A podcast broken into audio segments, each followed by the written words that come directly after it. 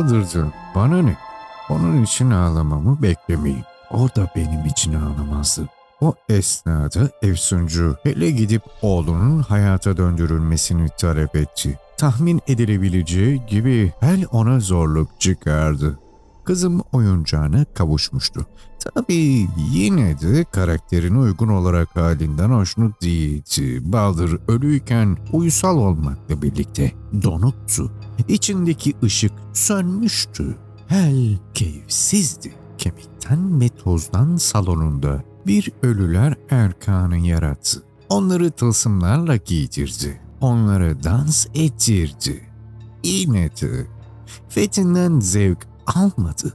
Baldır her zamanki tepkisizliğiyle yanında öylece oturarak boş boş bakıyordu. Öyleyse onu bana geri ver, dedi Frick. Fakat kızım inatçıydı. Ona göre en azından kendisi Baldır'a sahip olduğu sürece başka kimse olamazdı. Ve belki zaman geçtikçe kendisini ona sevdirmenin bir yolunu bulabilirdi. Efsuncu kah göklere bindi, kah yalvardı, vadilerde bulunup dil döktü. Baldır'ın ölümünün sızlatmadı. Tek kalbin Helinki olduğunu söyledi. Dokuz alem Baldır için ağlıyor, dedi. Ama sen, sen baban kadar kalpsizsin. Her onu ölü gözleriyle süzdü. Abartıyorsun, dedi. Ama eğer dediğin doğruysa belki bana fikrimi değiştirtebilirsin, dedi. Frig'in amacına ulaşmasına ihtimal dahi vermedim.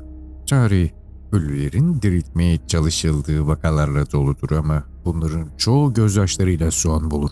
Frick iddiasını doğrulamak için yola çıkarken o da tıpkı onlar gibi başladı. Baldır için ağlayın diye geldi çağrı. Yaşamız için. Baldır için ağlayın. Sloganlar orman yangını gibi yayıldı. Frigg'in öyküsü bir taşı bile gözyaşlarına boğabilirdi. Ve orta dünyaların dört bir yanında boğdu da. Onun buyruğuyla herkes yaz tuttu. Herkes Baldır için ağladı. Onun adına ağaçları, çiçekler bağlandı. Kadınları üstlerini başlarını yırttılar. Erkekler boyunlarını büktüler. Küçük hayvanlar uludu. Kuşlar bile rollerini oynadılar. Bir nevi histeriydi. Baldır'la tanışmamış insanlar bile onun ölümü karşısında aniden kedere kapıldılar. Anısına şarkılar yazıldı. Birbirlerine tamamen yabancı kişiler ortak bir ızdırapta birleştiler. Fakat her trend eninde sonunda geri teper. Tüm dünyaların Baldır için ağladığı zafer anında Frik ormandaki bir kulübede yaşayan ihtiyar bir koca karıya denk geldi. Baldır için ağla diye haykırdı. Yaşlı kadın onu süzdü. Kim için diye sordu. Baldır için. Halkın göz bebeği. Oğlum. Öldüğüne çok üzüldüm. Onun için neden ağlayacakmışım dedi yaşlı kadın. Yine de gözleri kuru kaldı. Çünkü kederde birleşerek ölümün ta kendisini fethedebiliriz dedi Frick. Ne? Yani ölmeyecek miyim dedi koca karı. Hayır. Hayır öleceksin dedi Frick ama Baldır yaşayabilir. Kusura bakma dedi ihtiyar koca karı. Ama bu bana hiç adil gelmedi. Neden Baldır'ın ölümünü benimkinden daha çok önemli olsun? Ben yorgun bir kemik yığınıyken o yakışıklı diye mi? Yoksa ben yaşlıyken o genç olduğu için? Bilmeni isterim ki bir zamanlar ben de gençtim. Ve şu baldır her kim olursa olsun o canına ne kadar değer verdiyse ben kendi canıma o kadar değer veririm. Anlamıyorsun diye izah etmeye çalıştı Frick. Yaşlı kadın gülümsedi. Canım hiç kimse anlamaz. Her birimiz tek bir hayata sahibiz. Artık bu her ne anlama gelirse. Evine git. Oğlunun yasını tut.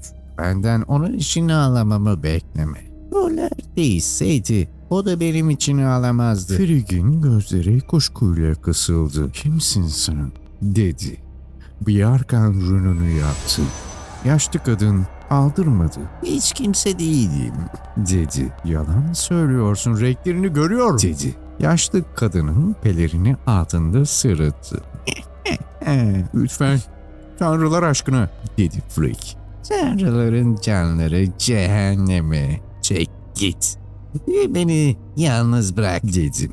Bunun altından da kapıyı onun suratına çarpsın. Ha!